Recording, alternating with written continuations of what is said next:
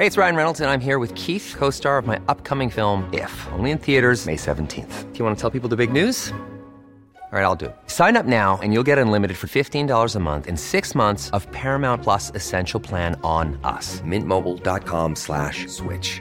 Upfront payment of $45 equivalent to $15 per month. Unlimited over 40 gigabytes per month. Face lower speeds. Videos at 480p. Active Mint customers by 531.24 get six months of Paramount Plus Essential Plan. Auto renews after six months. Offer ends May 31st, 2024. Separate Paramount Plus registration required. Terms and conditions apply if rated PG. I'm Sandra, and I'm just the professional your small business was looking for. But you didn't hire me because you didn't use LinkedIn jobs. LinkedIn has professionals you can't find anywhere else, including those who aren't actively looking for a new job but might be open to the perfect role, like me. In a given month, over 70% of LinkedIn users don't visit other leading job sites. So if you're not looking on LinkedIn, you'll miss out on great candidates like Sandra. Start hiring professionals like a professional. Post your free job on linkedin.com/people today. Ever catch yourself eating the same flavorless dinner three days in a row? Dreaming of something better? Well, HelloFresh is your guilt-free dream come true, baby. It's me, Kiki Palmer. Let's wake up those taste buds with hot, juicy pecan-crusted chicken or garlic butter shrimp scampi. Mm. Hello Fresh.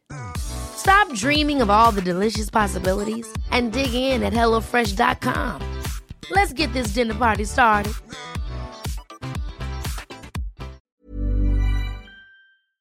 Innan vi dyker in i veckans avsnitt tillsammans med Johanna Kajson så vill jag påminna om koden FOODGEEK som ger dig 10% extra hos Reload som just nu firar 5 år och har upp till 50% rabatt på deras hemsida. Så med koden FOODGEEK så får du alltså 10% ytterligare på ditt köp. Och jag kan säga, jag har använt deras träningskläder nu i flera år och Emmy kan ju också intyga för jag sa till henne du måste köpa deras Mercy Tights.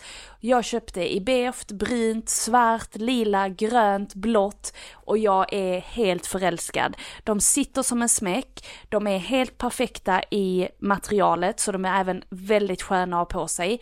Och de har även matchande topp till, vilket jag älskar. Och sen så, de har även ett par tights som är deras kollektion som heter Scrunch. Och där kan jag säga, de får man ju the ass, alltså de är också sjukligt snygga. Sen så har de ju sjukt snygga linnen, eh, de har de här riktigt bra typsockarna som jag också använder hela tiden. Så det är en riktig godisbutik för träningskläder. Koden FUGIX ger dig 10% rabatt på hela Reload sortiment och de firar ju nu upp till 50% rabatt på deras hemsida på reload.se. Tack så mycket Reload!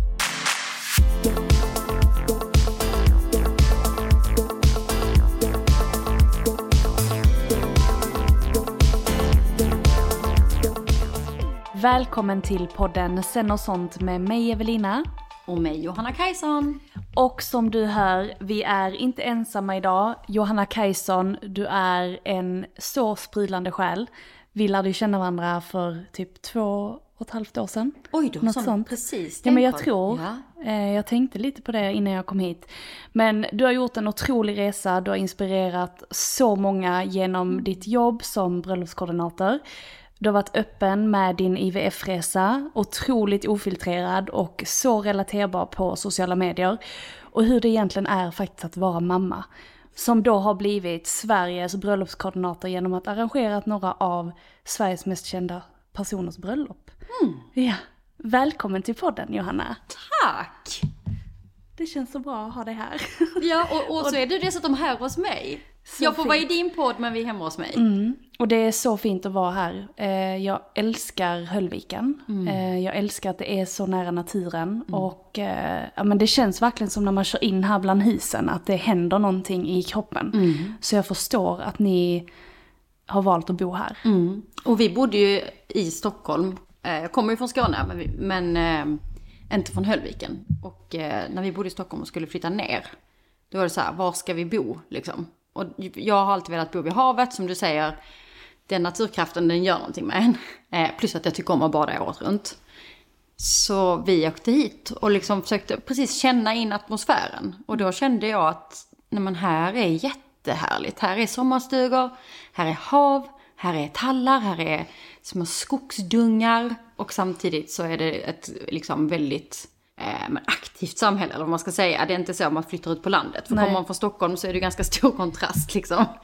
Ehm, och när vi flyttade hit för sju år sedan så, gud vad mycket bättre jag mådde av att bo här. Alltså då fattar jag hur jag inte ska bo i Stockholm. Och då hade jag ändå bott i Stockholm i sju, åtta år. När jag landade här så var det väldigt tydligt att jag ska inte bo i Stockholm. Nej. Det är en väldigt stressig miljö för en högkänslig själ. Däremot älskar jag att åka dit och jobba och bli skitinspirerad. Mår jättebra av att åka dit två, tre dagar i månaden. Men här, här ska jag bo. Så fint. Och det känns verkligen som att ni har landat här. Eh, och det märks i energin och det märks också i ditt hem. Det känns väldigt familjärt. Och eh, Hur menar du nu? Menar du att det är så här ritstreck på mitt bord av tuff? Eller vad är det du menar? lite grann, nej, utan bara också, men det är en så fin energi. Grundande.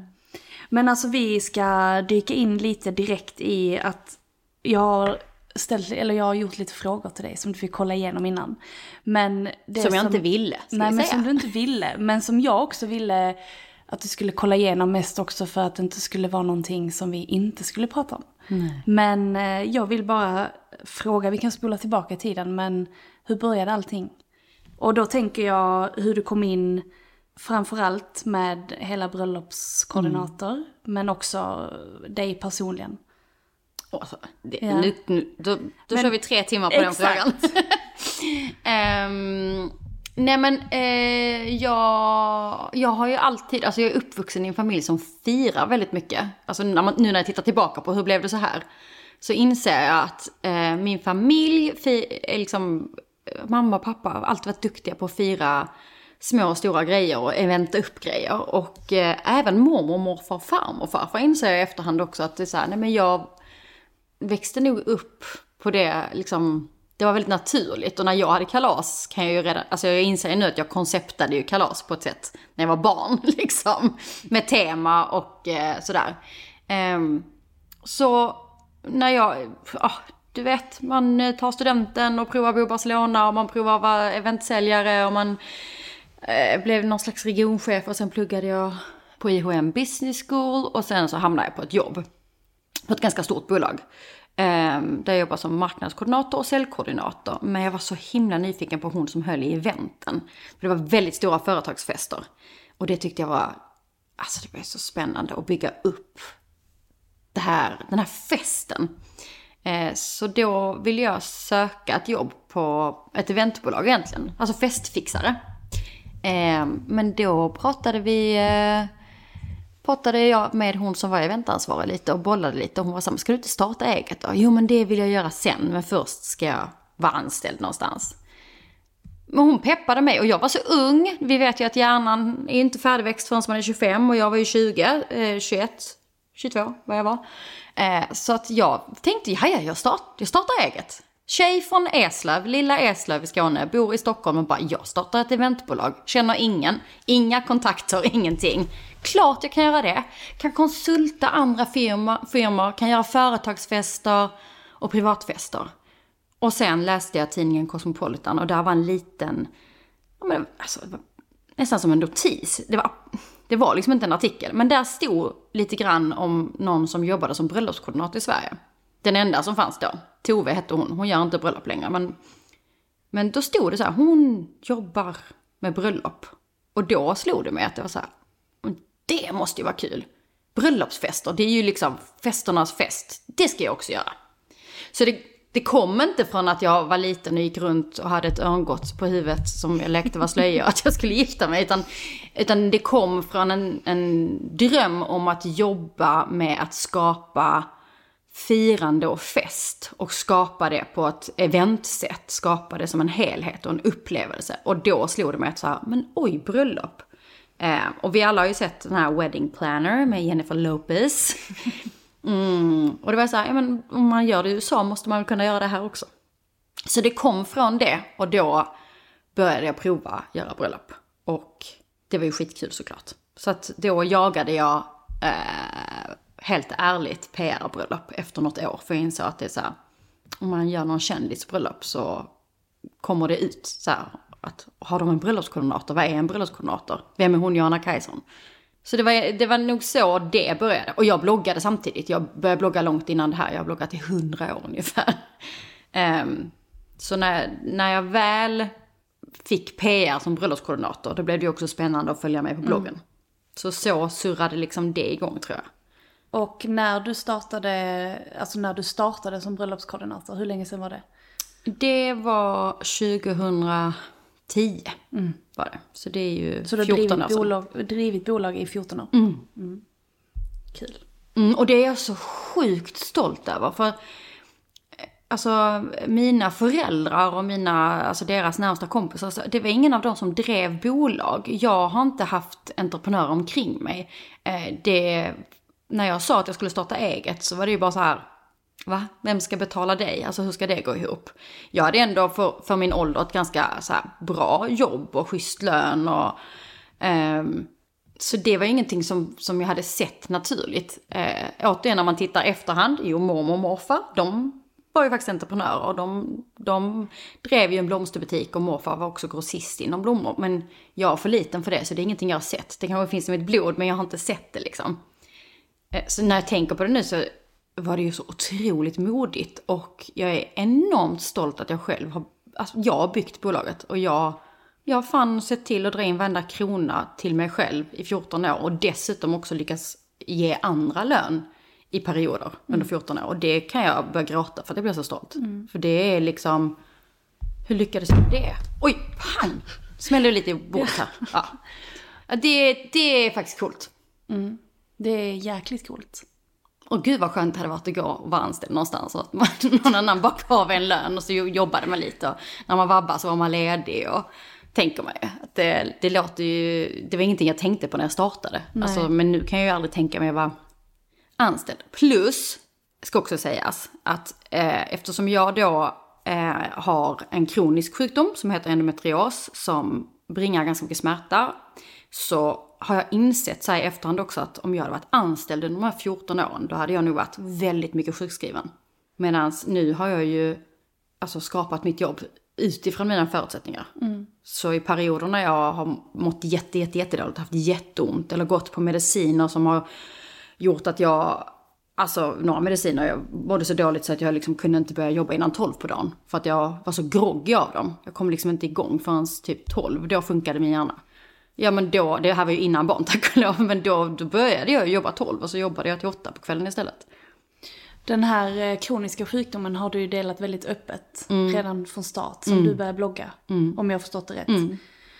När jag Och, fick reda på det, jag hade ju ja. bloggat i många år innan jag ens gjorde operationen och fick reda på att jag Ja. hade Men endometrios. när du fick reda på det så var du väldigt öppen med det. Mm. Eh, och du delade din personliga resa i det. Mm.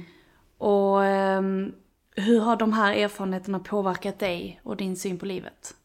Alltså jag... Idag, det är, det är olika, det är två hack tror jag. När jag fick diagnosen endometrios så kände jag ju framförallt förståelse för all smärta jag har haft hela mitt liv. Där, all, där många har tyckt att jag varit överkänslig. Um, det finns, så här, om endometrios finns det en hashtag som heter det är inte bara mens. För att det är det vi får höra som kvinnor. Om man har ont i magen vid mens så är det så här, ja men mensvärk gör lite ont, ta en Alvedon. Det funkade inte på mig. Jag var ju dubbelvikt, jag hade ju svinont. Jag- Alltså jag åkte in på akuten hur många gånger som helst. Eh, för att jag inte kunde stå upp. Eh, och fick ännu starkare smärtstillande. Och, ehm, men när jag fick diagnosen, då, då var det så här, ah, okej, det är inget fel på mig. Eller det är något fel på mig, jag har en sjukdom. Och därför har jag så jävla ont. Och jag är inte knäpp i huvudet och jag har inte fejkat att jag har ont. Jag har faktiskt så här ont. Liksom. För det var det enda jag hade varit tillsagd i nio år. Från att jag åkte in till akuten första gången till att jag fick diagnosen så blev jag ju tillsagd typ att ja, men ta en Alvedon och överdriv inte typ. Och sen då när jag fick diagnosen så bestämde jag mig för att, att liksom inte den skulle stoppa mitt liv utan att jag skulle leva mitt liv ändå. Eh, så då fram till 2020 ungefär, då var jag fast bestämd om att den här endometriosen och de här smärtorna skulle inte stoppa mig. Så jag eh, levde, köttade mitt liv eh, och, och eh, var stolt över det. Att det är så här, jag kan jobba 18 timmar i sträck genom ett smärtskov. Jag kan, alltså jag har pannben som tusan. Eh, och jag tränade fastän att jag hade ont och massa, massa, massa grejer. Vilket jag pratade väldigt positivt om då. Och vilket säkert var bra för att eh, jag, ha, jag hade och har en väldigt positiv inställning. Eh, om man kör på. Det har jag nog haft från pappa. Att man liksom, ja men det här positiva, inte lägga sig ner i fosterställning, tycka synd om sig själv och bli sjukskriven och bli liksom, ah, jag är endometrios, jag kan inte göra någonting. Utan jag drev bolag och allt vad jag gjorde. Så det var liksom första hacket på det, på det. Och det är ju hjälpsamt idag också. Att veta att man kan ha en inställning till olika saker och bestämma sig för det. Men sen efter 2020 och den resan jag gjort efteråt, när jag då har försökt läka mig holistiskt, eh, läka, jag kan inte läka mig, det är en kronisk sjukdom, men jag har eh, tar hand om mig själv på ett annat sätt. Så jag lever väldigt smärtfritt idag. Förr hade jag ju smärta varje dag, dygnet runt. Och numera har jag smärta någon gång i månaden. Eh, och då, då är det väldigt tydligt för mig att man ska inte köra över sin kropp på det där sättet. Man ska Nej. inte stå och säga, vet du vad? Jag kan jobba 18 timmar i sträck och göra 10 situps fastän att jag håller på att förblöda. Som mm. att det var coolt. Eh, utan nu är det ju så här, lägga sig ner och vila. Ta hand om sig själv, lyssna på kroppen. Ja, alltså det är en sån viktig påminnelse. Mm. Till alla som mm. lyssnar. Eh, men jag kan inte uttala namnet som du sa, endi... Endometrios. Endometrios. Mm.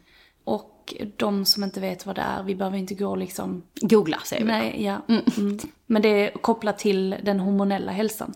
Eh, precis. Eh, det är slarvigt förklarat, det är inte exakt så här. Men slarvigt kort förklarat kan man säga att om man när man har mens så kan de första bloddropparna vända sig inåt. Det är inte exakt så här ska jag säga, men det är så man kan förklara det. De vänder sig inåt och vandrar uppåt i kroppen och skapar sammanväxningar. Så dina organ kan växa ihop, Din tarm, dina tarmar kan växa ihop, det kan sätta sig var som helst. Och sen sitter det där och blir inflammerat varje gång du har mens. Så kan du då ha någon, någonstans annan i kroppen som då svullnar upp, är inflammerat, gör sjukt ont Alltså det finns till och med de som har fått det upp i fingret, vilket är ju jätteovanligt. Men alltså det kan sätta sig var som helst. Jag har ju sammanväxningar inne i magen eh, och någonting på tarmen. Eh, och när det blir inflammerat så gör det ju svinont såklart. Typ så kan man förklara mm. Men den här eh, sjukdomen påverkade väl all, även dig att, eller dig och din partner när ni skulle få barn? Mm. Mm, och vi fick reda på det på ett slarvigt sätt för att när jag gjorde den här titthålsoperationen för att kolla om jag hade endometrios eller inte och då brände de också upp lite sammanväxningar. Då frågade de om jag ville vara med i en studie.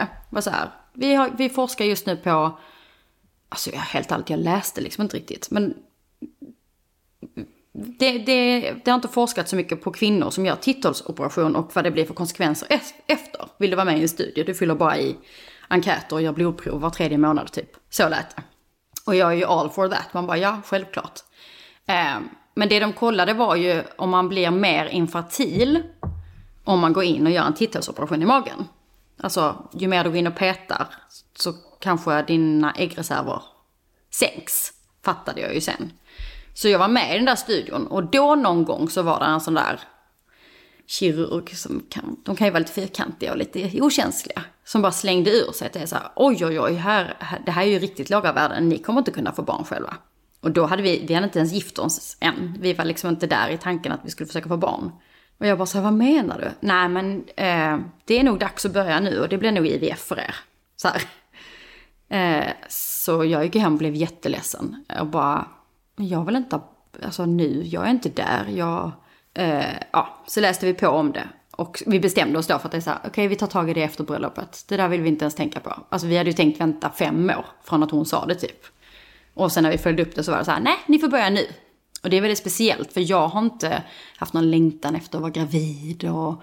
Alltså det var ingenting, jag visste om att jag ville ha familj men jag är inte den kvinnan som har längtat efter att vara gravid eller, eller ha den här magen eller bebisen i magen eller hängslebyxor eller lilla bebisen eller amma eller gå med barnvagn. Ingenting av det var en dröm. Jag drömde om den familjen jag har idag. Att liksom ha lite större barn, man gör saker tillsammans. Det var min dröm, så jag hade inte tänkt på det på det sättet. Så vi tvingades in i att dra igång det helt enkelt. Och ja, det, det var ju ganska snabbt som vi fick göra utredning och att det blev IVF. Liksom. Mm. Och ja, ofrivilligt barnlös, som det heter. I ens lilla fina eh, journal. Så den stämpeln liksom hamnade ganska snabbt på oss. Och då var vi inte ens riktigt där i tanken av... Alltså vi kämpade för någonting vi kanske egentligen inte var redo för. Så det var väldigt omtumlande alltihopa. Eh, att göra IVF. Och samtidigt satt jag hemma och grät med Rickard emellan. Att det bara så här... Alltså jag vet ju inte ens om jag fixar det. Alltså jag kan inte ens föreställa mig att jag skulle vara gravid nu. Alltså jag, jag byggde ju bolag och levde life. Jag var inte alls där i tanken liksom. Så det var så konstig kontrast. Och helt plötsligt längtade efter att vara gravid också. Som ju, det var väldigt konstigt. När man kämpar för det så blir det ju så att man... Alltså om man är ofrivilligt barnlös och man vill ha barn. Då blir det ju väldigt sorgligt liksom. Är det därför du blir rörd? Eller Ja. rörd av att, tacksamhet av att du har? För att det var ju en period där man började försöka acceptera att vi eh, kanske inte kommer få biologiska barn. Eh, och hur blir det? Och eh, då börjar man ju drömma också om att ha det. Och tänka och se liksom mina gener och Rickards gener och sådär. Eh, att förbereda sig för att det inte kommer hända. Och sen så nu har jag två fantastiska barn. Och de är inte bebisar längre. Det var inte min favorittid, utan det är så här, nu har jag min familj. Alltså, vi kan boka en paddelbana och spela paddel ihop vi fyra. Det är så coolt. Så ja, jag blev väldigt rörd för att jag känner sån enorm tacksamhet varje, varje, varje dag. För dem. Dina underbara söner. Mina minimänniskor.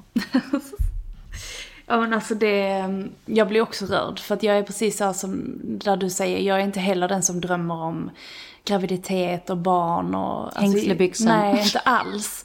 Eh, sen har inte jag, eh, tack och lov, eh, jag har inte, jag har inte, jag vet inte om jag kan få barn eller jag har inte kollat upp det. Men, men jag blir verkligen där, det är verkligen som du säger att jag, jag drömmer också om familj. Men jag drömmer om att få dela det precis som eh, jag menar att barnen är lite äldre och att man blir ett team och att man får göra roliga grejer ihop. Eh, snarare än att man ska, sen kommer man ju behöva gå igenom det också. Att offra sina första år och bara ge allt till ett, ett litet barn. Men alltså det är en fantastisk resa som du gör och har gjort och du delar det så öppet, så fint på dina sociala medier och jag kommer ihåg att den middagen vi hade i Båstad så delade du ju det ännu djupare. Det var egentligen där vi möttes på ett annat plan än snarare än att vi är två influencers som sitter vid ett bord och ska äta middag. Utan där finns ett så fint bagage med oss. Det var ju en väldigt speciell middag, det ska man säga. Alla är så här, åh influencers, det är så ytligt. Då var vi tio stycken, eller tolv, jag minns inte riktigt. Tio kanske runt ett bord. Och där väldigt många av oss inte hade träffats innan ju. Och Nej, jag hade ju aldrig träffat dig. Nej, men det var nej. många andra där jag inte heller träffat. Nej. Och på något sätt, alltså jag delade ju, men det var ju fler. All, Mm. Det var en middag där alla bara typ så här, här är mitt mörkaste trauma i min ryggsäck. Som jag håller på, som jag har läkt eller håller på att läka. Och så bara fångade alla den människan. Mm. Så det var ett väldigt fint forum att det var liksom så fint att bli fångad där. Men det var, ja, det var ju så vi träffades. Verkligen.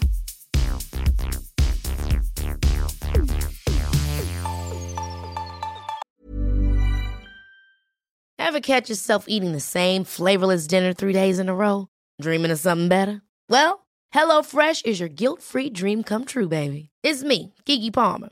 Let's wake up those taste buds with hot, juicy pecan-crusted chicken or garlic butter shrimp scampi. Mm. Hello Fresh. Stop dreaming of all the delicious possibilities and dig in at HelloFresh.com. Let's get this dinner party started. Hiring for your small business? If you're not looking for professionals on LinkedIn, you're looking in the wrong place. That's like looking for your car keys in a fish tank. LinkedIn helps you hire professionals you can't find anywhere else, even those who aren't actively searching for a new job but might be open to the perfect role. In a given month, over 70% of LinkedIn users don't even visit other leading job sites. So start looking in the right place. With LinkedIn, you can hire professionals like a professional. Post your free job on linkedin.com/people slash people today. Men jag är lite inne på det här, du pratar om att du läker dig holistiskt. Eh, på vilket sätt gör du det idag? Nej men dels, jag har ju försökt hitta en egen antiinflammatorisk livsstilsbalans. Jag lever inte 100%, jag lever inte sockerfritt och glutenfritt jämt och alkoholfritt och kaffefritt och utan stress och så. Utan eh, jag gjorde det när jag började läka mig. Så under ett år var jag jättestrikt med allt, ett, ett och ett halvt år. Men eh, nu lever jag lite så här 80-20, mm. 70-30 ibland. Försöker hitta rätt balans. Perfekt balans. Eh, men då är, då är det, alltså det jag gör är ju att jag försöker få i mig så mycket näring jag bara kan genom kost. Jag älskar ju alla era recept. Gav mig på ett idag igen. um, och eh, ja, men, verkligen har lärt känna mig själv vad jag behöver och ger mig det varenda jäkla vecka. Liksom. Eh, framförallt återhämtning, sömn, vila, djupandas. Och när kanske det man äter inte är fullt med näring, utan det är fullt med gottegotte, då njuter jag av det. Och liksom fångar lyckokänslan i det. För det är också antiinflammatoriskt. Alltså det finns forskning på att känna förundran är antiinflammatoriskt. Det är helt otroligt. Mm. Det är därför balansen är så viktig. Mm. Men hela den resan börjar ju egentligen med att läka trauman. Ett jättestort trauma som jag har i mitt liv. Eh, men när, det där är ju någonting jag jobbar med hela tiden nu. Och det är ju att läka gamla sår. Stora som små. Det som faktiskt kan sitta i en som påverkar en så enormt mycket. Och det är egentligen det jag pratar om när man eh, ska läka sig själv. Det är ju att hela tiden fördjupa sin förståelse och empati för sig själv. Inom allt. Och eh, om man håller på med det så hittar man ju nya saker hela tiden. Stora som små. Jag har tack och lov jättegod relation med mina föräldrar. Så att jag kan prata väldigt mycket med dem. För att det finns ju saker man upptäcker ibland. Eh, till exempel eh, om det är sol, oavsett när på året om det är sol så mår jag jättedåligt om jag är inomhus. Och det är mamma och pappas fel. Det vill jag träna bort. Men jag är uppvuxen i ett hem där man liksom går ut och vänder ansiktet och näsan upp mot solen. Man ska, man ska, man ska fånga solen. Mamma och pappa är, är besatta av eh, att fånga solen. Alltså nu i mars kommer de börja äta lunch ute i solen, liksom upptryckta mot en husvägg. Och det har ju liksom suttit i mig som att det är ett facit. Så, så gör man, så gör man inte. Det, det sätter sig i mig. Så att det, var liksom, det var en dag som jag bara insåg, för jag tror att jag låg, jag hade kanske huvudvärk eller någonting. Jag låg inne. Det var en solig dag, jag låg inne under en filt och hade så dåligt samvete för det, jag mådde jättedåligt. Och då kom jag på att det, är så här, det behöver du inte ha, det är, det är helt okej. Okay. Det, här, det här är någonting från din barndom. Och vet du vad, du bestämmer själv liksom. Så ett, jag skällde ut mamma och pappa. Som fick den skopan. Som tog det jättebra. Och sa, men lilla gumman så behöver du inte göra, gör som du vill. Um, och jag får bara flika ja. in där, för det är det som är så speciellt. För att eh, jag kan också prata med eh, våra föräldrar, men framförallt mamma, om just grejer man eh, fick till sig när man var liten. Mm. Och för dem, och så är det ju, att för dem var det ju helt okej. Okay. Alltså, eller så här, de tänkte ju inte på att Nej. nu säger vi någonting som kommer sätta sig som ett sår eller som ett djupt beteende. Mm. Eller i det undermedvetna, utan man bara är ju i människan. Alltså man är ja. ju bara människa i en upplevelse och det är det som är så speciellt att, för jag vet ju själv grejer som jag till exempel har sagt till Emmy när hon var liten som vi pratar om, alltså stora syster, lilla syster. Mm. Alltså som kommer upp på ytan där man, man bara, men det här har jag ju inte sagt med med liksom en... En sanning. Nej, exakt. Nej det är inget fas, Nej, det är ingen sanning. Exakt, exakt. Och det är det som är så speciellt. Men jag tycker att det, det är så sjukt häftigt att prata om och lyfta mm. upp det. För att det är sådana små grejer som du säger. Mm. för att det är ju ingen stor grej av att gå nej, ut och nej. kolla eller sätta sig i solen. Nej. Men hur det är, alltså... Mm. Ja men hur det ändå styrt mig. Det finns ju tusen sådana exempel. Och jag är ju en sån som verkligen tar till mig det. Um, och också en person som tyvärr, och det jobbar jag också på, eh,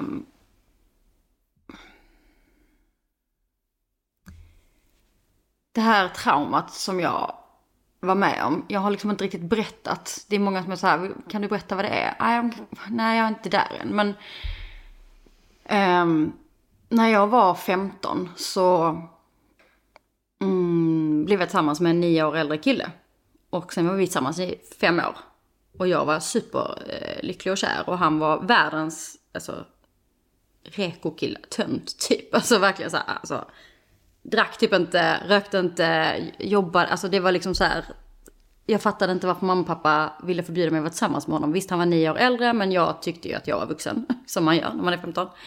Ehm, och han var ju liksom så ordentlig, så var problemet. Eh, så mamma och pappa förbjöd honom i alla år. Eh, alltså försökte förbjuda honom från att gå på min student också, för de hade en sån här magkänsla bara av att det kändes inte bra. Men kunde inte säga varför. Eh, och jag tyckte att det här var världens bästa förhållande.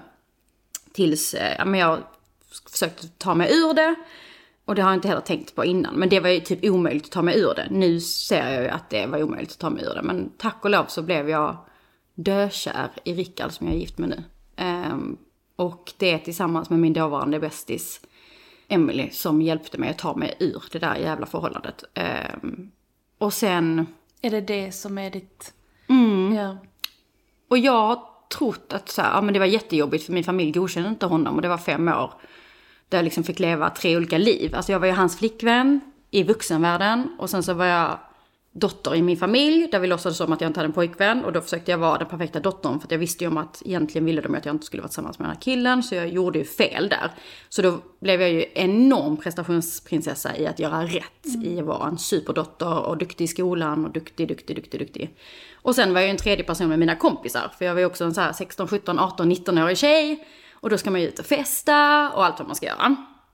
Så spelade liksom tre roller och det har jag varit så säker på att det var skitjobbigt såklart och att det har påverkat mig. Men sen när jag fick min första son Charles så mådde jag jättedåligt av amningen. Alltså jag mådde psykiskt jätte, jätte, jättedåligt.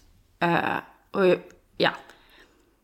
Jag ville inte, och alltså min lilla bebis ville ju inte heller amma, det funkade liksom inte. Men jag, duktig flicka liksom, skulle ju göra det och kämpa på som fan. Och då fick jag, eh, när man kommer på, på BVC så kan de alltid erbjuda en, det här ska man veta, eh, tio samtal med en psykolog. Så de sa, men vi har en liten psykolog här, vår lilla BVC-tant, vill du gå till henne? Och prata om amningen, för att jag ville ju få till den. Men jag, jag det var väldigt tydligt att jag inte mådde bra av den. Och då ville jag det. Och då hittar hon i mig, hon, alltså, oh, den här tanten, kan vi hitta henne? Så man kan få tacka henne för att hon räddade mitt liv. Hon ställer andra frågor om det här förhållandet. Inte många. Men helt plötsligt så kommer det upp en hel film om att det var ju inte alls sådär som jag har rättat upp det i mitt huvud och som jag nu inser att jag fick berättat för mig av honom i fem år. Utan han var ju en total psykopat som mm. styrde mitt liv. Och det här är så mycket och jag ska inte dela allt det liksom. Men eh, att vara 15 till 20 år gammal, tjej eller kille, framförallt tjej, det är då du ska börja slå dig fri, du ska lära dig dina egna värderingar, du, vem är jag, vad tycker jag om, vad tycker jag inte om, eh, vad har jag för drömmar, allt det här. Och eh, allt det har jag ju blivit hjärntvättad i under alla de åren. Och fått regler och uppsatt för mig liksom hur jag ska vara, vem jag ska vara, vad som är okej, vad som inte är okej. Eh, sexuella övergrepp, tusen, tusen, tusen faltig lång lista med fruktansvärda, eh, fruktansvärda saker som jag har blivit utsatt för. Som jag nu har bearbetat. Och det tog ju lång tid. Den här lilla tanten hittade mig och det var liksom så sjukt att se det. Och nu också, jag är 37, fyller 30 år, 38 i år. Um, jag försöker hålla ihop nu för att inte bryta ihop helt, det är därför jag är lite skakig. Um, om jag tittar på en 15-årig tjej, om jag träffar en 15-årig tjej här nere på stan, då blir jag riktigt ledsen. För det är ett barn. Och det där är så sorgligt så det är inte klokt. Min sanning var att jag var vuxen. Tills jag började jobba med det här. Ehm, men jag var ju ett barn. Så för mig så är det så otroligt många regler i mitt huvud. Inte bara mamma och pappa som man går ut när det är sol, utan han satte så sjukt många regler i mig. Till exempel att man får inte ändra sig. Du, alltså du sa ju att du gillar det här. Du har ju gått med på det här innan. Och då får du aldrig backa. Då måste du vara happy clappy och älska det forever. Och det där är ju, alltså det där vill jag ju inte att någon ska ha. Det är klart man får ändra sig. Det är klart man får tycka, idag tycker jag om att gå ut i solen och imorgon tycker jag inte det. Det kan vara så töntiga grejer som det här låter som, men men det är på ett otroligt djupt plan som jag varje dag måste uppmärksamma. Och det där, om vi kopplar tillbaka till det här med att läka sig själv så måste jag hela tiden aktivt jobba på alla de här reglerna som är satta i mitt huvud, som jag levde efter hela vägen till jag fick mitt, egentligen mitt andra barn, för det var då jag kunde gå traumaterapi på riktigt. Det är så otroligt många år som jag levde efter enormt sjuka regler och riktlinjer som hade planterats i mig. Och fortfarande idag så, att läka mig är till exempel att inse att jag får ändra mig. Och man får ångra sig. Och det var en jättestor del också i, eh, ja, men i hela min smärtresa. Att, att läka det traumat. Jag gick hos Sveriges bästa traumaterapeut. Så det, det var en lång, lång, lång process. Um, och det kommer ju fortfarande upp nytt ibland. Jag har ju PTSD från det. Så att ibland bubblar det upp och då får jag liksom boka en ny omgång och ta hand om mig själv igen. Och man kommer djupare och djupare och djupare i det. Och kan läka mer och mer. Men apropå vad du sa om dina föräldrar och eh, dig som stora syster och så också. Jag kan få lite panik nu på att jag är förälder och jag har två barn här hemma. Och jag går omkring här och sätter re regler och riktlinjer. Så gör man, så gör man inte. Så säger jag också. Det, de växer upp med det ju. Jag sätter ju sanningar i dem. Och det är faktiskt ganska obehagligt. För att alla måste ju leva efter sin egen sanning. Mm. Det är så jävla viktigt. Så det känner jag redan nu bara, okej, okay, den är så viktig som förälder. Tack för att du delar. Det är väldigt fint. Och eh, det är så otroligt viktigt. Mm. För det är ju när vi går igenom de här traumorna som man återupplever känslan av att vara i de händelserna som har hänt. Mm.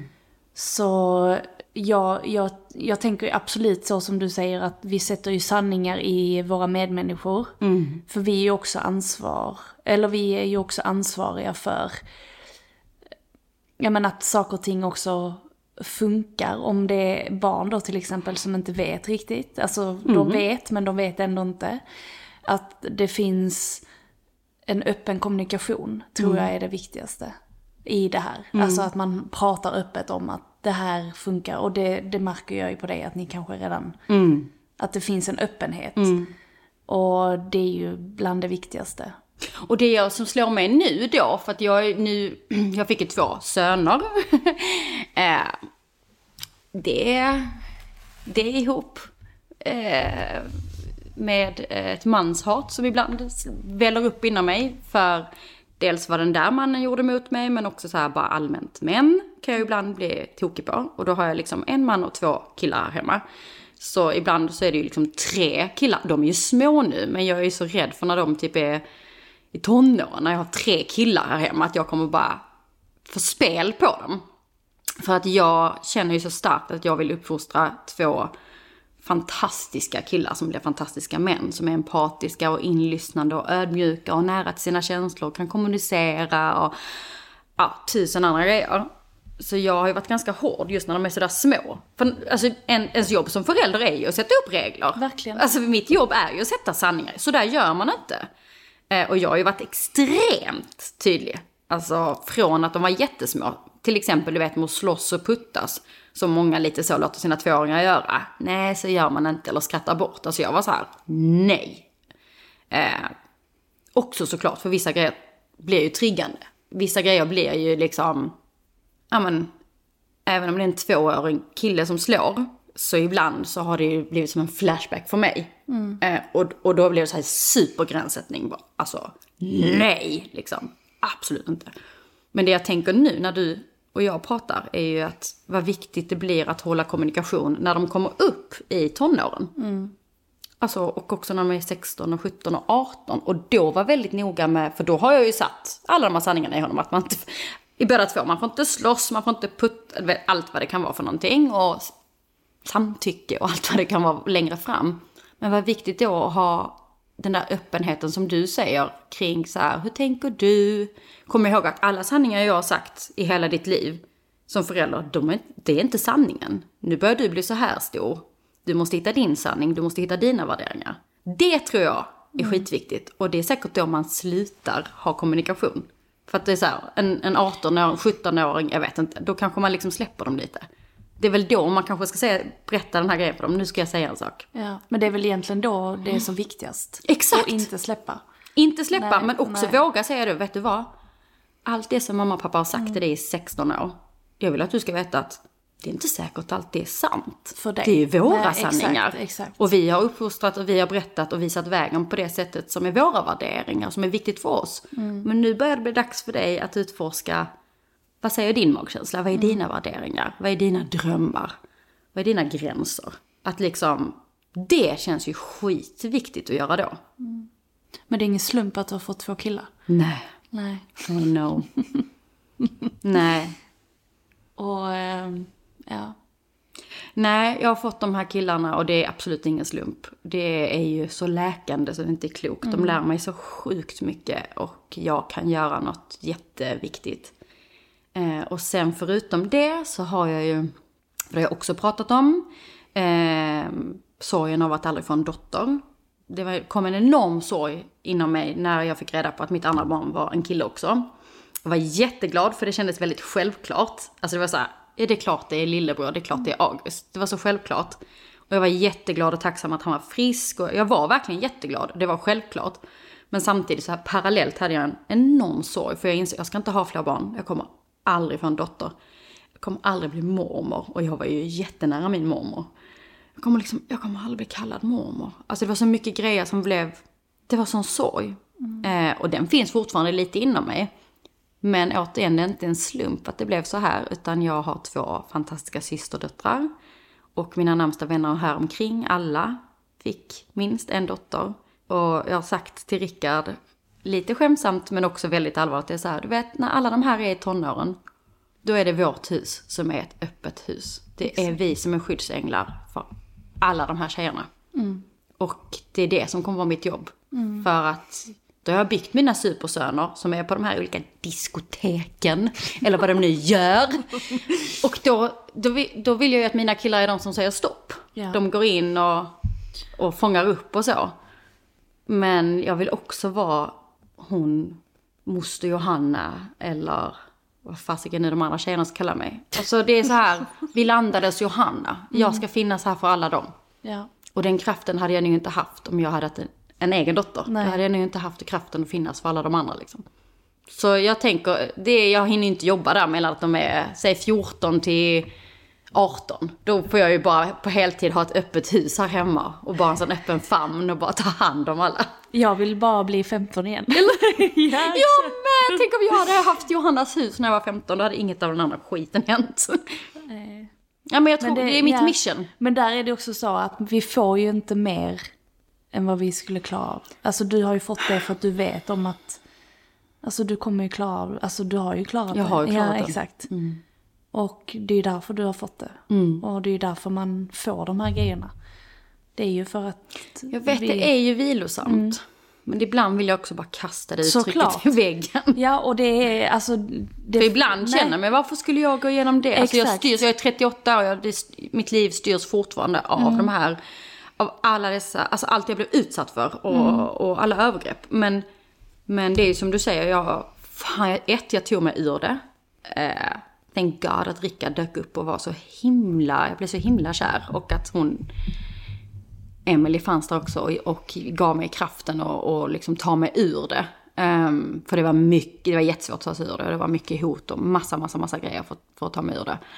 Um, jag tog mig ur det och sen nu har jag dessutom gjort traumaterapin i olika omgångar. Så jag har också sett på det och jobbat med förlåtelse och läkning och, och nu kan jag kanske hjälpa andra med det.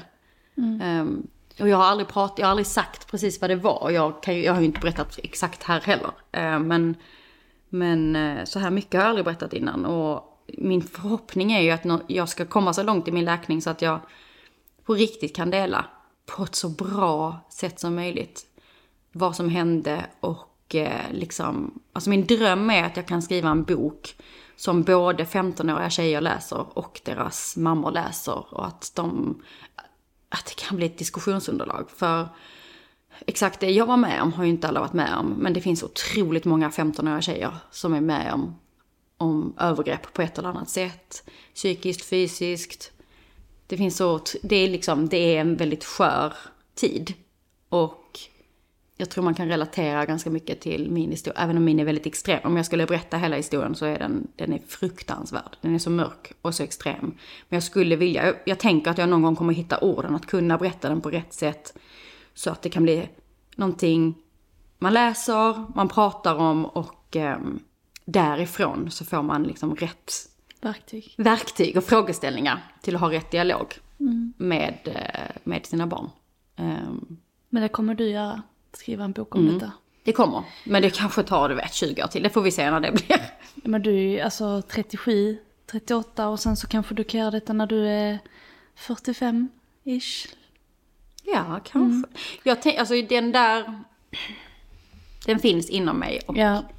återigen det där med så här, ens mission. Det, det är det som jag känner jag kan använda det här till och, och hjälpa andra. Ehm, och jag har inte ens varit kapabel att kunna berätta innan vad det är. Jag bara, jag bara sagt traumat, liksom. Det är så jag har tilltalat det. Ehm, jag tror jag har berättat någon gång att jag blir hjärntvättad, men jag har inte berättat så mycket mer liksom. Så bara att jag känner nu att jag kan dela det är ju liksom ett enormt steg fram, tänker jag. Verkligen. Ville du prata bröllop egentligen? Jag sitter här och bara, hur ska jag komma in på det här och vilket, vilket kändisbröllop vill du prata om? vilket kändisbröllop, hur mycket kostar det? Exakt. Nej men alltså herregud, eh, det känns ju... Det är knäppt att jag har det jobbet ju också. Ja men alltså det är ju så sjukt och det är det som jag hela tiden fascineras av i livet, alltså generellt, är ju hela tiden det här, det mörka, det ljusa, det ytliga, det djupa, det alltså feminina, det maskulina, alltså hela tiden de här upp och ner, balansen, nere på botten, upp på, på toppen, alltså det är någonting i det att få vara verkligen och känna allt det där. Och var allt. Var Man kan allt. vara allt det. Och vara allt är ju helt... Alltså det är så jävla häftigt. Ja. Alltså tänk att vi bara sitter, alltså nu blir jag så här jätteexistentiell, men jag bara, men tänk att vi bara sitter här på den här, jag tänkte säga jävla planeten, men att vi bara sitter här och liksom får uppleva allt det här.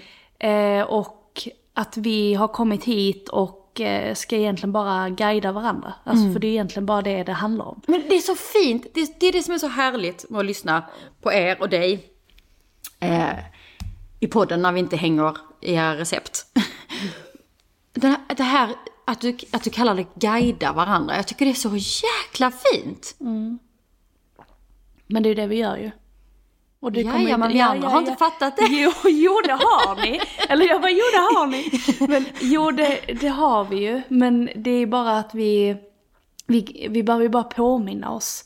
För det är det du gör nu. Du guidar ju också människor som, för det är som du säger, alla kanske inte har varit med om exakt det du har varit med om. Men det är ju ändå delar av det som folk har upplevt. Och, Exakt. Och kommer att kunna relatera till. Och då guidar ju du dem till att det, blir, det kommer bli bra. Man kommer komma ut på andra sidan. Det kommer vara jävligt tufft. Men vi kommer ju ändå, vi kommer ju klara det. Men hur kan jag vara den som ställer de här frågeställningarna eller få vara den som lyfter det här så att det inte går så pass långt för många. Och för mig, jag vet inte, det är ju att guida. Ja men det är det ju. Ja, Och det, ja. är ett, det är ett otroligt tydligt ord. Jag har bara aldrig Nej. Det är så fint. Ehm, det är ett väldigt fint uttryck. Och också att vi guidar varandra. För så är det ju. Alltså om jag sitter, om jag är ute och går en promenad med en tjejkompis och vi pratar och pratar och pratar och pratar. Jag kommer alltid hem med nya insikter och tittar på mitt liv på ett nytt sätt. Eller på min, hur jag uppfostrar mina barn. Eller jag får liksom nya, in, det här samtalet är så viktigt. Och att se det som en guidning är ju liksom, det är ju det det är. Det är som du säger, det är ju det det är. Jag har bara inte sett det på det sättet innan och det är ju superfint. Och jätteviktigt. Så eh, bröllop va? Men alltså jag har faktiskt ingenting att säga om det nu känns det som. Det känns bara så... Alltså det, för mig i det här så känns det bara som en så jävla rolig grej du gör. Ja, det är ju... Alltså, och jag fattar ju, det finns ju baksidor med det också. ja, absolut. Eh, att eh, liksom skapa och bröllop för, ja men, väl, väletablerade, vad ska man säga, kända personer. Mm. Men de är också bara människor. Och jag är ju faktiskt okända personers bröllop också. Ja, exakt. Och det var faktiskt en, eh, alltså det, det är faktiskt en rolig fråga eh, som jag har tänkt på själv? Alltså vad, vad skulle du säga är den största skillnaden? Alltså av att, På kändisar och, och icke-kändisar, icke-kändisar. bröllopsmässigt. Om vi bara ska tänka på bröllop. Jättesvår fråga. Nej, alltså... Du bara budget. Ja, ja, ja, det där kan vi faktiskt helt ärligt ta på lite olika håll. För det beror på eh, vad man är för typ av kändis. För det finns också kändisbröllop jag gör som inte alls vill lägga pengarna. Eh, utan som tänker att man ska få, eh, få det så billigt som möjligt eller gratis eller så. Det finns ju en, en typ av kändisbröllop som går ut på att göra det så billigt som möjligt. Och de vill jag inte göra mer. Nej. Har du gjort dem? Jag har gjort dem, P- Ja. alltså PR-bröllop. Det är otroligt slitsamt och jag jobbar ju i en bransch där de flesta av oss, precis som jag själv, är enmansföretagare, småföretagare som sliter häcken av sig för varje krona. Och då liksom Göra det för PR känns... att då inte någon som har skit mycket pengar, de är så jäkla rika, och att då de tycker att de inte ska betala den här lilla enmansföretagaren som sliter som tusan. De vill ha den bästa. Jag vet till exempel att jag är Sveriges dyraste bröllopskoordinator. Du är det? Det är jag. Ja, ja. Jag fick, förra året så hade jag ett brudpar som hade tagit in offert från tre eller fyra stycken av de största i Sverige. Och var så här, vi förstår inte, varför, varför kostar du dubbelt så mycket som alla andra? Jag bara, "Pff, är jag så mycket dyrare? Okej. Ett, hur fan får ni andra ihop era företag, tänker jag. Eh, men också så här, eh, två, ja men jag är dyrast. Och då förklarar jag också varför. Jag jobbar på ett annat sätt än de andra. Ehm, men om man då vill ha den bästa fotografen eller floristen eller alltså, du vill ha så här. Och sen säga så här, ja men du kan väl göra det gratis eller du kan väl göra det någonting som skulle kosta 150 000 kan du väl göra för 10 000. Liksom. Det blir så knäppt. För att ett, du, du har pengarna liksom. Och, du och vill ha, jag ska göra jobbet. du vill ha kvaliteten Ja. och jag ska lägga in 250 arbetstimmar liksom.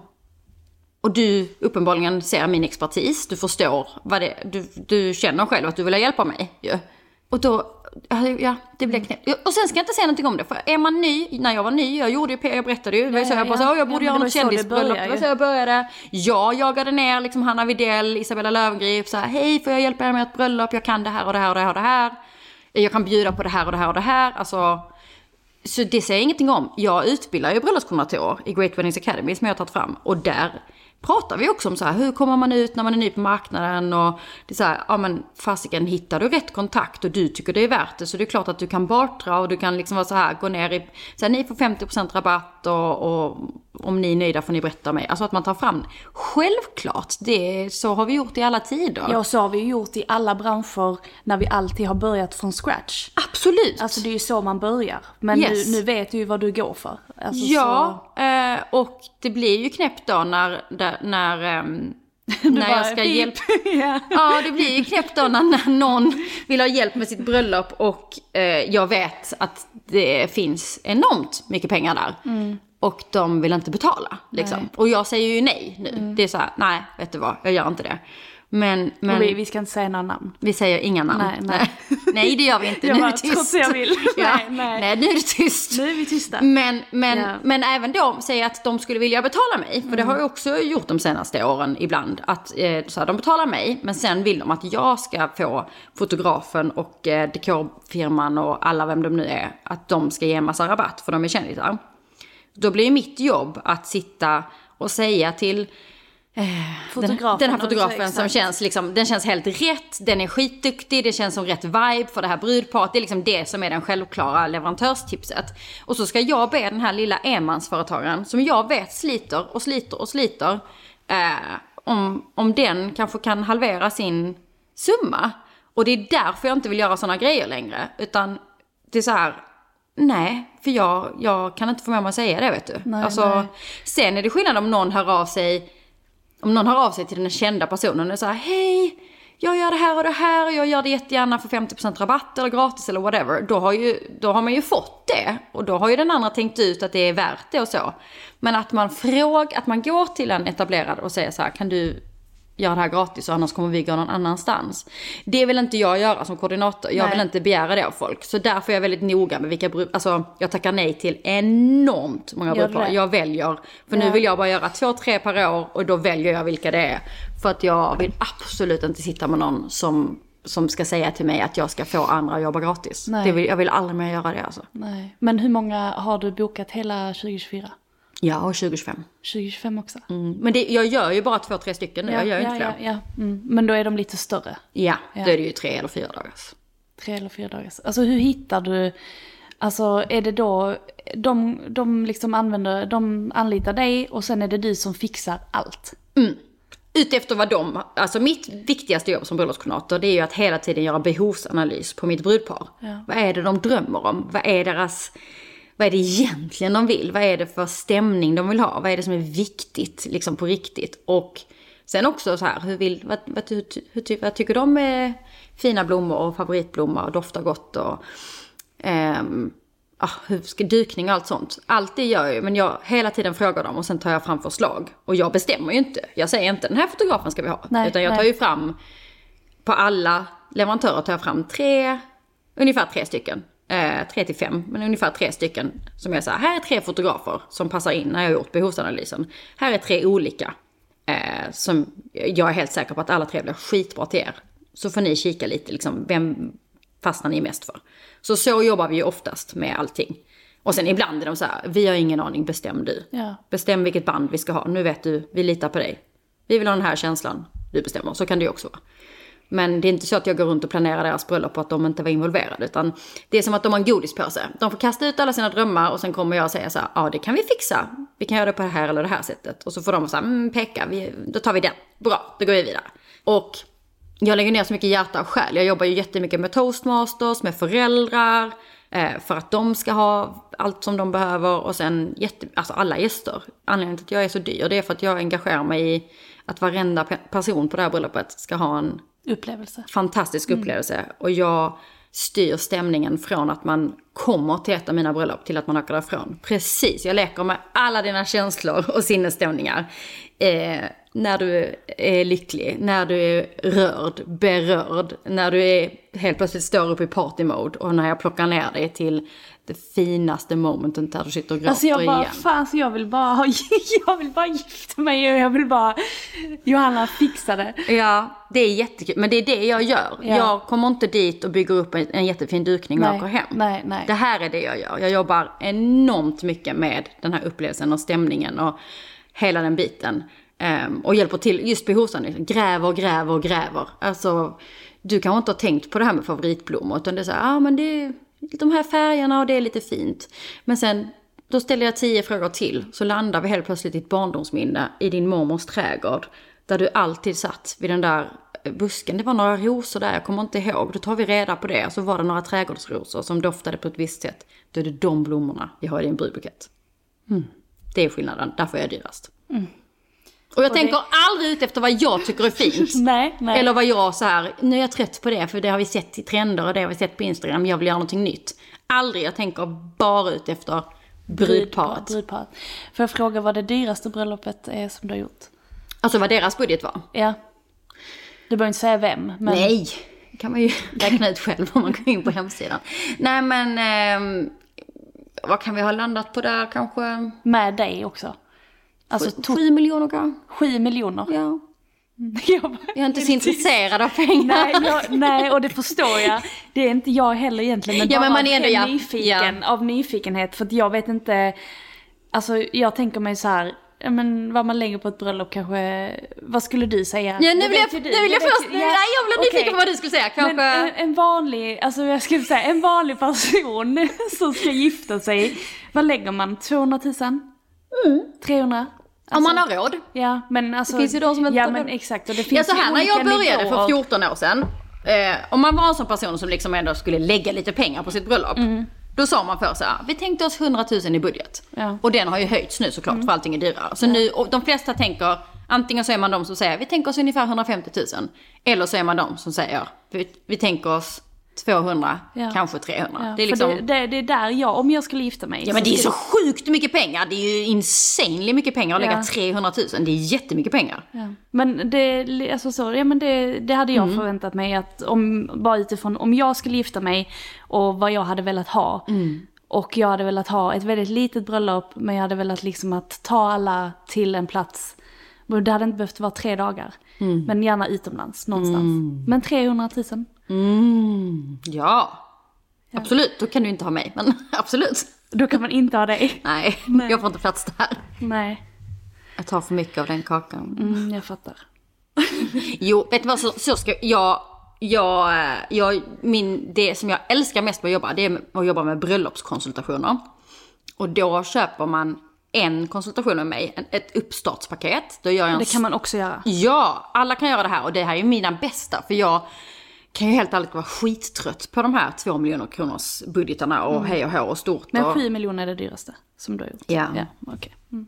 Ehm, Men jag brinner ju för alla, alltså jag brinner egentligen inte för de där svinrika idrottsstjärnorna som kommer hem och gifter sig. Det gör jag ju också, jag brinner för alla mina brudpar. Men jag vill ju hjälpa alla, det var ju därför jag släppte boken. Boken är ju liksom en guide så att du har råd, alla har råd att skapa sitt drömbröllop. Och bröllopskonsultationen är också till alla, för då, då bokar man mig och då gör jag en stor behovsanalys innan. För det är liksom min expertis. Sen tar jag fram leverantörslistor som är matchade till ja, men, vad ni har för budget och drömmar och vibe och allt vad det är. Så då tar jag fram det, alltså location och fotograf, allting som är så här, här, de här ska ni jobba med. Eh, jag tar fram bröllopskoncept som ni kan ha med er, ja, ni får med er checklistor och allt vad det är. Eh, och så sitter vi ner i två timmar och så går vi igenom det. Jag brukar kalla det crash course, att lära dig att planera ditt eget bröllop. Eh, då går vi igenom rubbet liksom. Och sen kan ni planera det där bröllopet själva. Så gör vi det själva då. Så gör ni det själva. Och så har jag fått vara med på ett litet hörn. det är min favorit, för då får jag ju Ja. liksom träffa så mycket olika människor, olika budgetar, olika drömmar och möjlighet att hjälpa till på ett enormt sätt på, som blir kostnadseffektivt så att alla kan boka den. Liksom.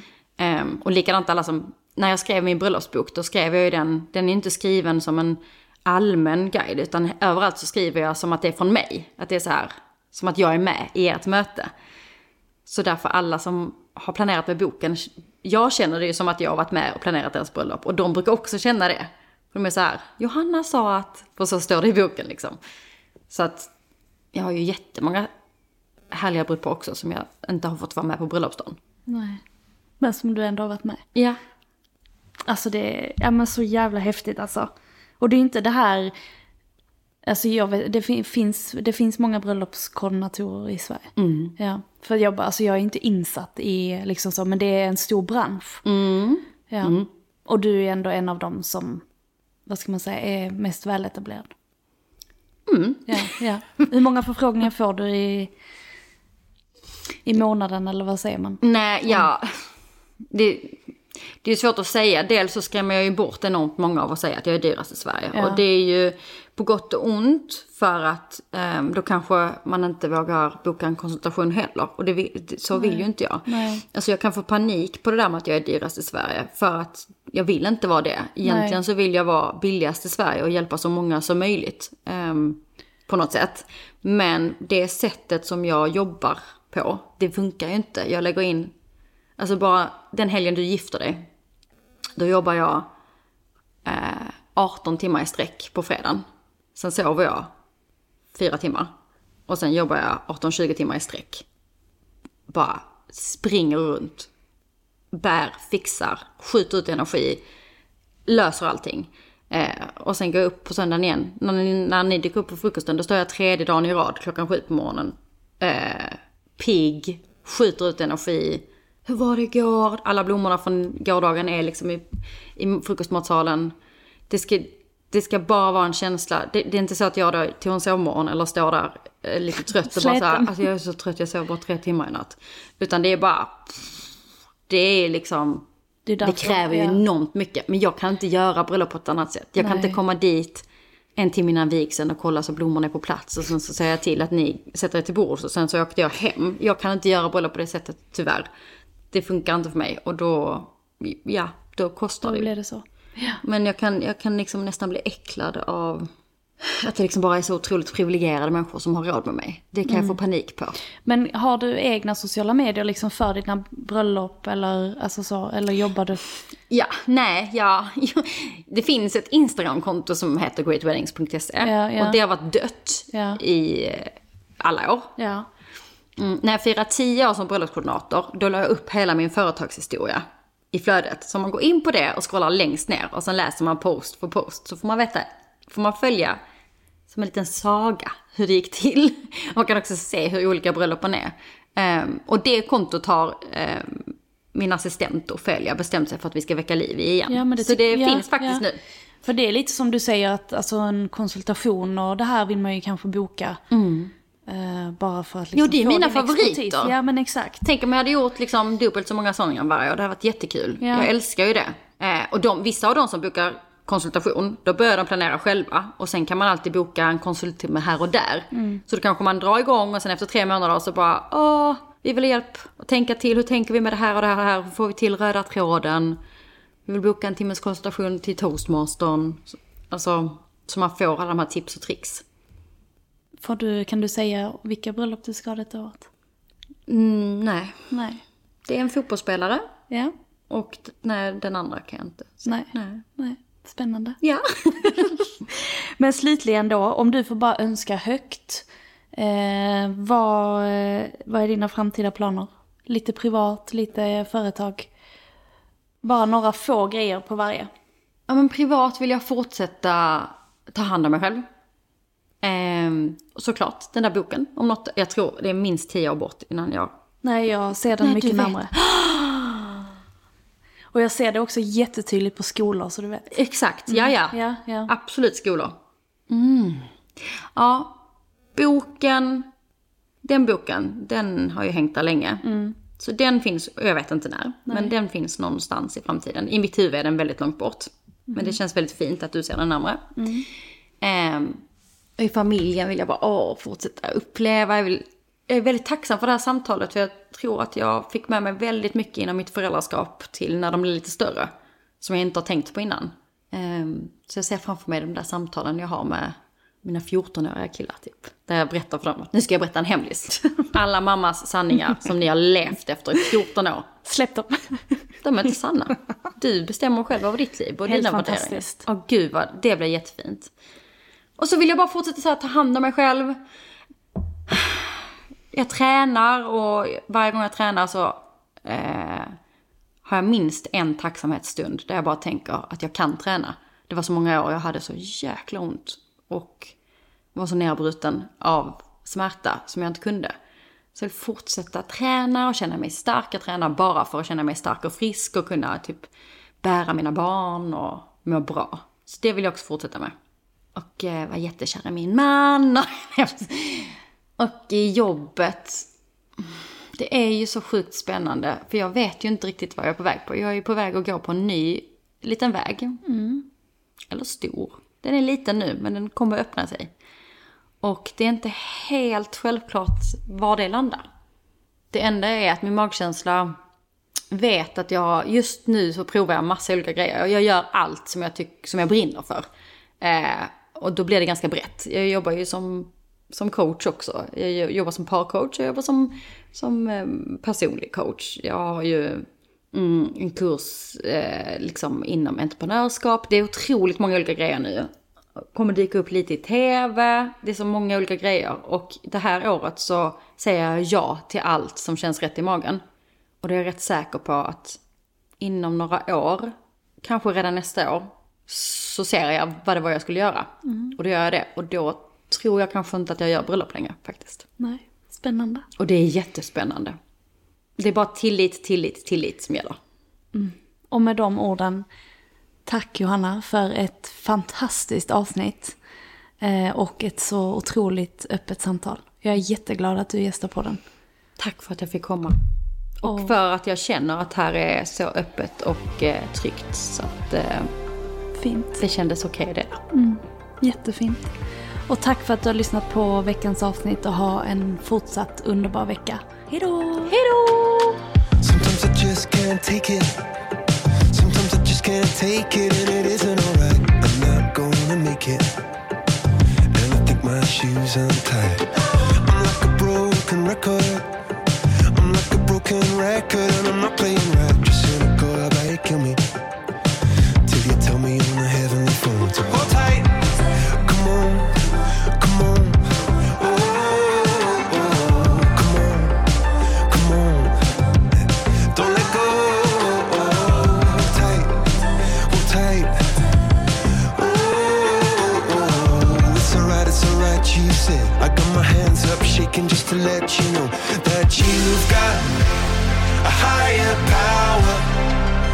singing every second, dancing every hour.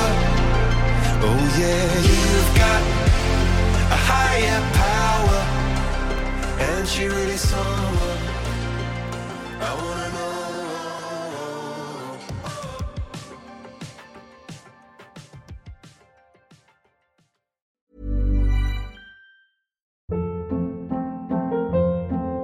Hold up. What was that? Boring. No flavor. That was as bad as those leftovers you ate all week. Kiki Palmer here, and it's time to say hello to something fresh and guilt-free. Hello Fresh. Jazz up dinner with pecan-crusted chicken or garlic butter shrimp scampi. Now that's music to my mouth. Hello Fresh. Let's get this dinner party started. Discover all the delicious possibilities at hellofresh.com.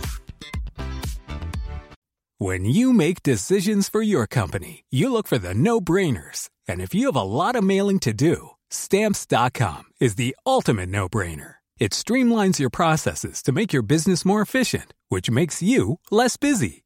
Mail checks, invoices, legal documents, and everything you need to keep your business running with stamps.com. Seamlessly connect with every major marketplace and shopping cart. Schedule package pickups and see your cheapest and fastest shipping options from different carriers. With rates up to 89% off USPS and UPS rates. And with the Stamps.com mobile app, you can take care of mailing and shipping wherever you are. Make the same no brainer decision as over 1 million other businesses with Stamps.com. Sign up with Code PROGRAM for a four week trial, plus free postage and a free digital scale. No long term commitments or contracts. That's Stamps.com. Code PROGRAM.